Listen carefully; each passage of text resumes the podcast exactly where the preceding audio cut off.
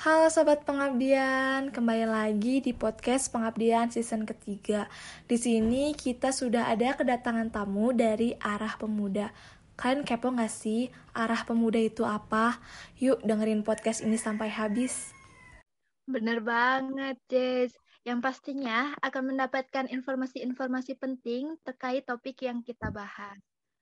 Baik, sesuai dengan judulnya kali ini, kita akan membahas uh, pencerdasan desa melalui gerakan pemuda.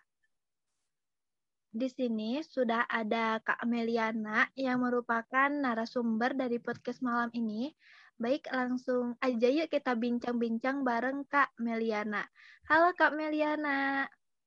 Halo, terima kasih Kak. Oke, teman-teman, sobat pengabdian, kenalin, saya Melia Soniman, teman-teman bisa panggil Uni aja dan sekarang sedang ikut organisasi di Arah Pemuda Indonesia yang merupakan NGO yang bergerak di bidang sosial dan kemanusiaan serta sekarang Uni uh, menjabat sebagai brand ambassador dari Yayasan Arah Pemuda Indonesia. Wah, keren banget. Salam kenal Kak Melia. Oke, salam kenal juga teman-teman sebab pengabdian. Uh, iya nih, sebelum ke topik pembahasan, aku ingin ngucapin terima kasih banyak kepada Kak Melia sudah uh, menyempatkan waktunya untuk hadir dan bersedia ngobrol sharing-sharing di acara podcast kali ini. Oh ya Kak, tadi Kakak menyebutkan organisasi Arah Pemuda. Kalau boleh tahu Kak, uh, sudah berapa lama jadi bagian dari arah pemuda dan kegiatannya apa saja sih kak di uh, komunitas Yayasan Arah Pemuda? Oke, baik. Terima kasih banyak sebelumnya, Kak. Uh, jadi, Uni di Arah Pemuda Indonesia itu kurang lebih sejak uh, tahun 2019 akhir, jadi udah tiga tahunan ya dan di sana itu ada apa aja sih teman-teman? Nanti teman-teman bisa kepoin ya di Instagramnya. Nah salah satu kegiatan utamanya itu adalah kegiatan pengabdian nih. Mungkin yang teman-teman tahu ya kayak uh, volunteer pergi pengabdian ke daerah 3T seperti itu.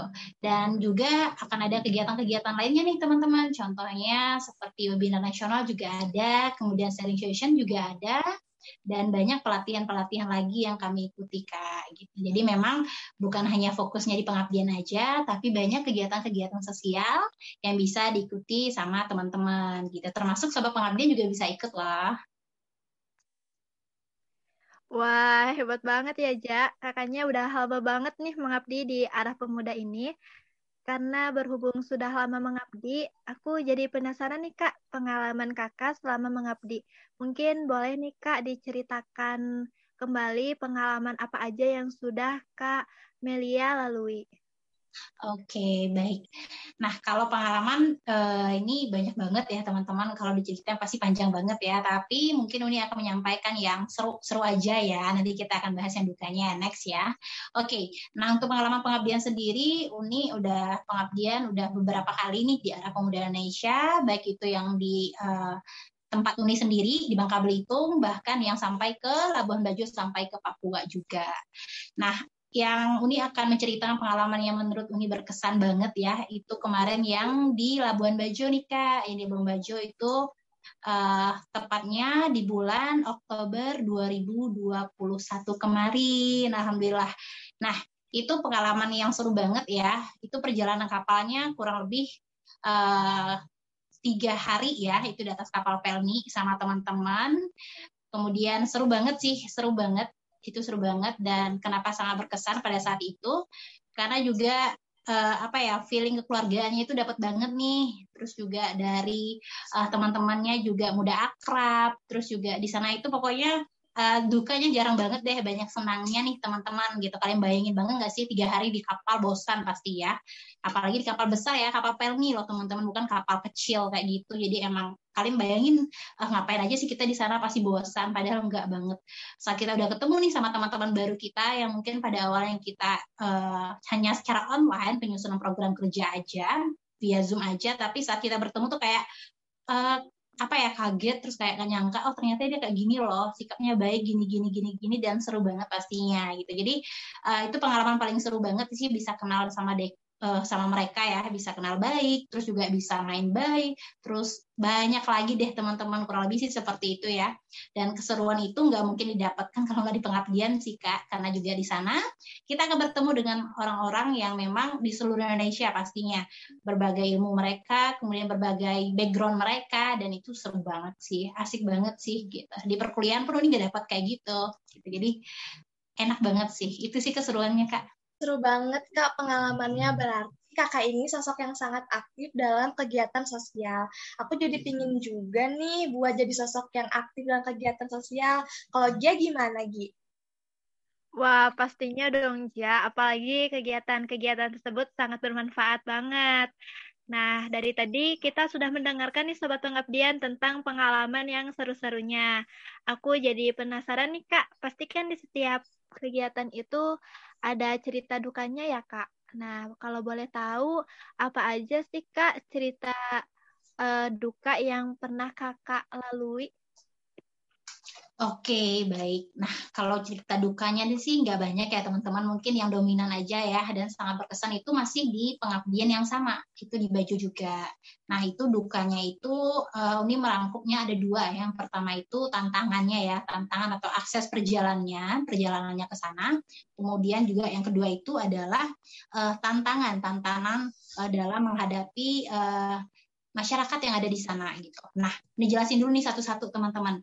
Nah, jadi dukanya itu di perjalanan itu kan kita kurang lebih udah tiga hari ya belum lagi nanti kita transportasinya itu menggunakan kapal itu transportasi utama.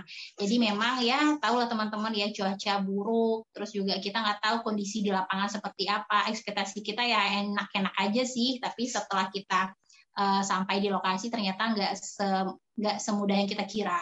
Itu sih tantangannya sampai juga kita nginep gitu nunggu nunggu kapal dateng gitu sampai kita nggak tidur bahkan gitu.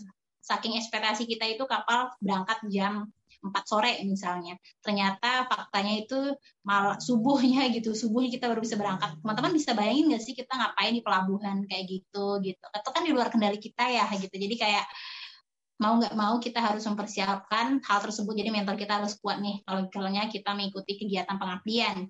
Itu yang uh, pertama ya. Kemudian juga dari segi uh, masyarakat di sana gitu. Yang sedih banget tuh dukanya adalah tuh perpisahan ya. Karena perpisahan tuh nggak ada yang menyenangkan gitu pasti gitu.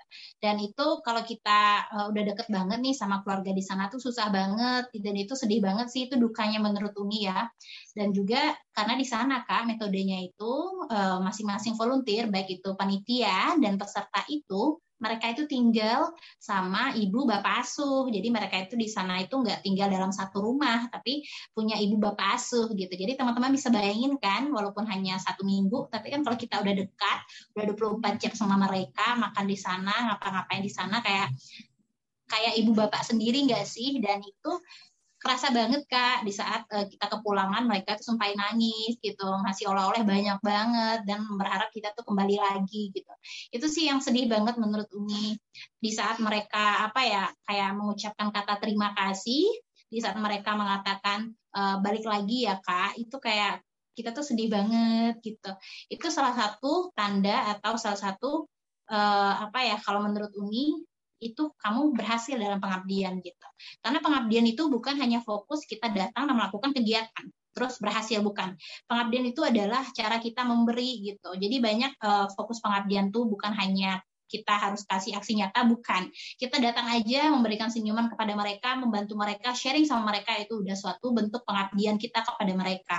Dan itu yang kita lakukan di sana. Jadi jangan fokus aja ke program nih Kak. Jadi kita harus fokus juga ke masyarakatnya. Dan itu terasa banget sih saat kepulangan dan itu sih sedih banget ya Kak. Sampai saat ini masih berhubungan baik gitu. Walaupun di sana sinyalnya agak susah ya, tapi via telepon bisa gitu.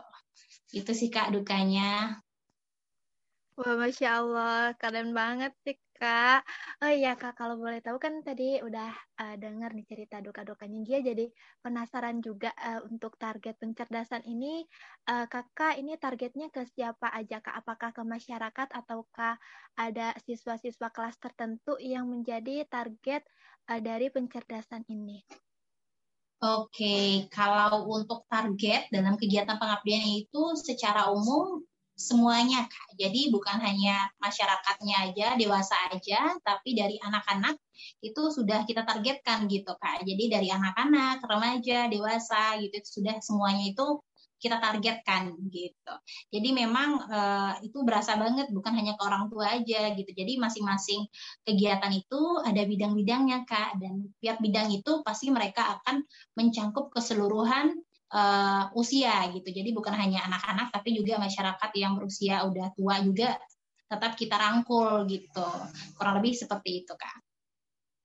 Wah, keren banget nih Kak. Kalau ini Gia jadi kayak tertarik banget gitu Kak untuk ikut kegiatan sosial kayak Kakak ini. Nah, kalau boleh tahu bagaimana sih Kak kalau ingin menjadi volunteer di kegiatan uh, pencerdasan desa ini Kak? Oke, gimana sih tips and triknya ya biar kita bisa mengikuti kegiatan seperti itu? Sebenarnya teman-teman itu mudah-mudah sulit ya, dan kebanyakan orang sih banyak ngeluh ya sebelum mereka melakukan ya. Mayoritasnya mahasiswa nih, karena juga dulu nih masuk pengabdian itu juga mahasiswa dan nggak punya pengalaman itu adalah apa ya kendala utama jika mereka ingin mengikuti sebuah pengabdian. Padahal nggak juga sih kak teman-teman semuanya sobat pengabdian. Jika kamu ingin mengikuti pengabdian, jangan berfokus ke pengalaman kamu. Uni juga saat mengikuti pengabdian juga Uni nggak punya pengalaman tuh gitu. Karena kita kalau melakukan sesuatu kita harus coba dulu nih gitu. Jangan lihat aku udah berpengalaman atau belum. Gak semua NGO atau organisasi itu melihat dari pengalaman kamu kita gimana kita punya pengalaman kalau kita nggak ngikut duluan gitu. Kapan dong kita punya pengalaman gitu? Coba teman-teman pikir. Ini sampai ke sana tuh gitu. Jadi coba ikuti dulu aja step by stepnya.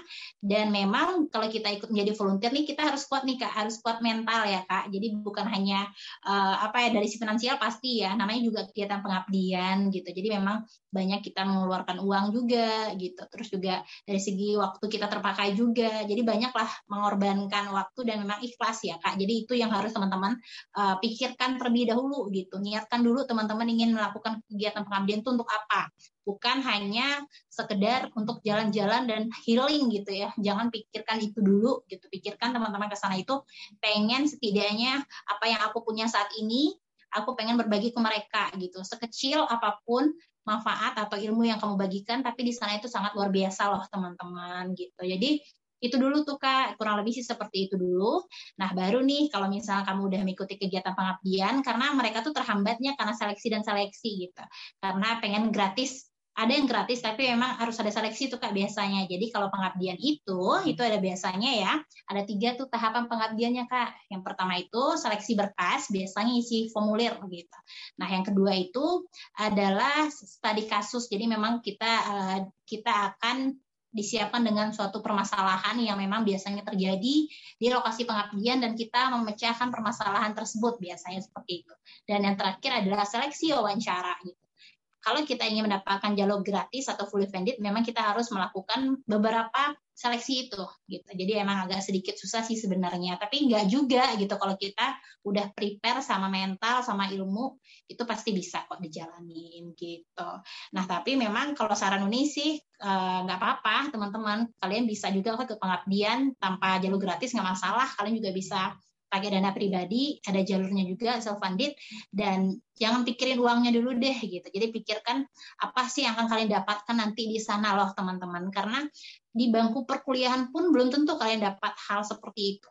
Hal yang paling unik apa ya unik apa ya pokoknya keuntungan yang paling bermanfaat untuk saat ini adalah pasti kalian akan uh, merasa bersyukur banget gitu kayak oh ternyata kehidupan di sana itu oh seperti ini loh gitu. Jangan hanya kamu melihat uh, ke atas dan ke atas terus merasa kayak kamu ini masih kurang kurang dan kurang. Tapi kalau kamu udah di sana itu kamu akan tahu oh ternyata masih banyak loh orang yang serba terbatas. Baik itu dari bidang pendidikan kesehatan lingkungan gitu. Jadi kamu tuh harus merasa lebih bersyukur di sana. Kamu tuh merasa lebih apa ya lebih care sama orang yang sebelumnya gak cuek-cuek. Tapi kalau kamu udah di sana tuh kayak kamu tuh tertampar gitu kayak kayak gini loh kehidupan orang susah gitu. Kamu yang udah senang aja, yang udah semuanya ada, tetap ngeluh gitu. Jadi itu sih yang membuat nanti kayak berubah gitu kayak oke okay, jadi aku terus lebih bersyukur nih gitu makanya itulah manfaat atau keuntungan yang paling dominan didapatkan sampai saat ini Jadi dengan apa yang Uni miliki saat ini,